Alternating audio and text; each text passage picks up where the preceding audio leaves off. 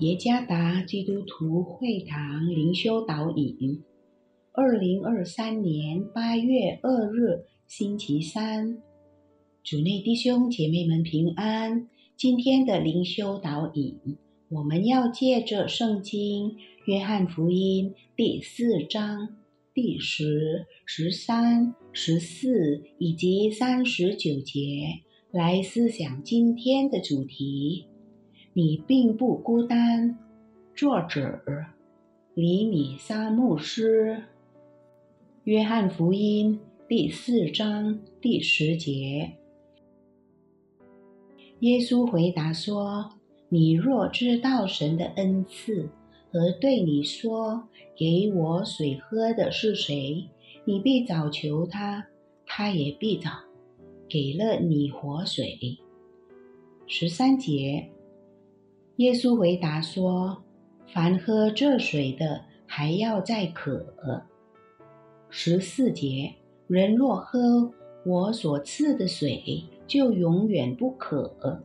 我所赐的水，要在它里头成为泉源，直涌到永生。三十九节，那城里有好些撒玛利亚人信了耶稣。因为那妇人做见证说，他将我素来所行的一切事都给我说出来了。我们当然不喜欢被人拒绝，生活孤独，受人轻视，面对种种压力。但是，当我们真的经历这一切，心中一定会觉得孤单无助。无人关心，我们的思想会像一团乱麻，没法清晰的思考。我们不知应怎样向前走，我们的精神状态不稳定，灵命情况也很软弱。两千年前，主耶稣遇见了一位被社会拒绝的撒玛利亚妇人。也向他解释了什么是活水，让他可以向主求助。在那次会面中，是主耶稣先向他要水喝，但是后来主向他表明，他能赐给他那满足空虚心灵的活水。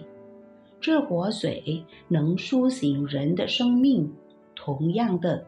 主耶稣爱世人，他会主动向我们伸手，因为他要帮助我们。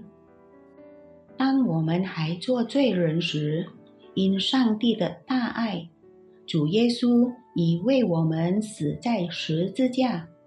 主自己爱我们，不愿有一个人沉沦灭亡。主的旨意是要万人得救。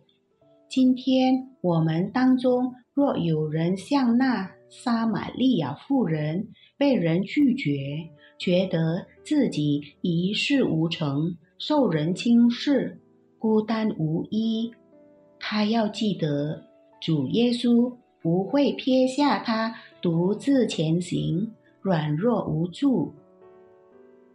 主赐的活水能够满足心灵的干渴。灌满灵魂的空处，主耶稣赐福。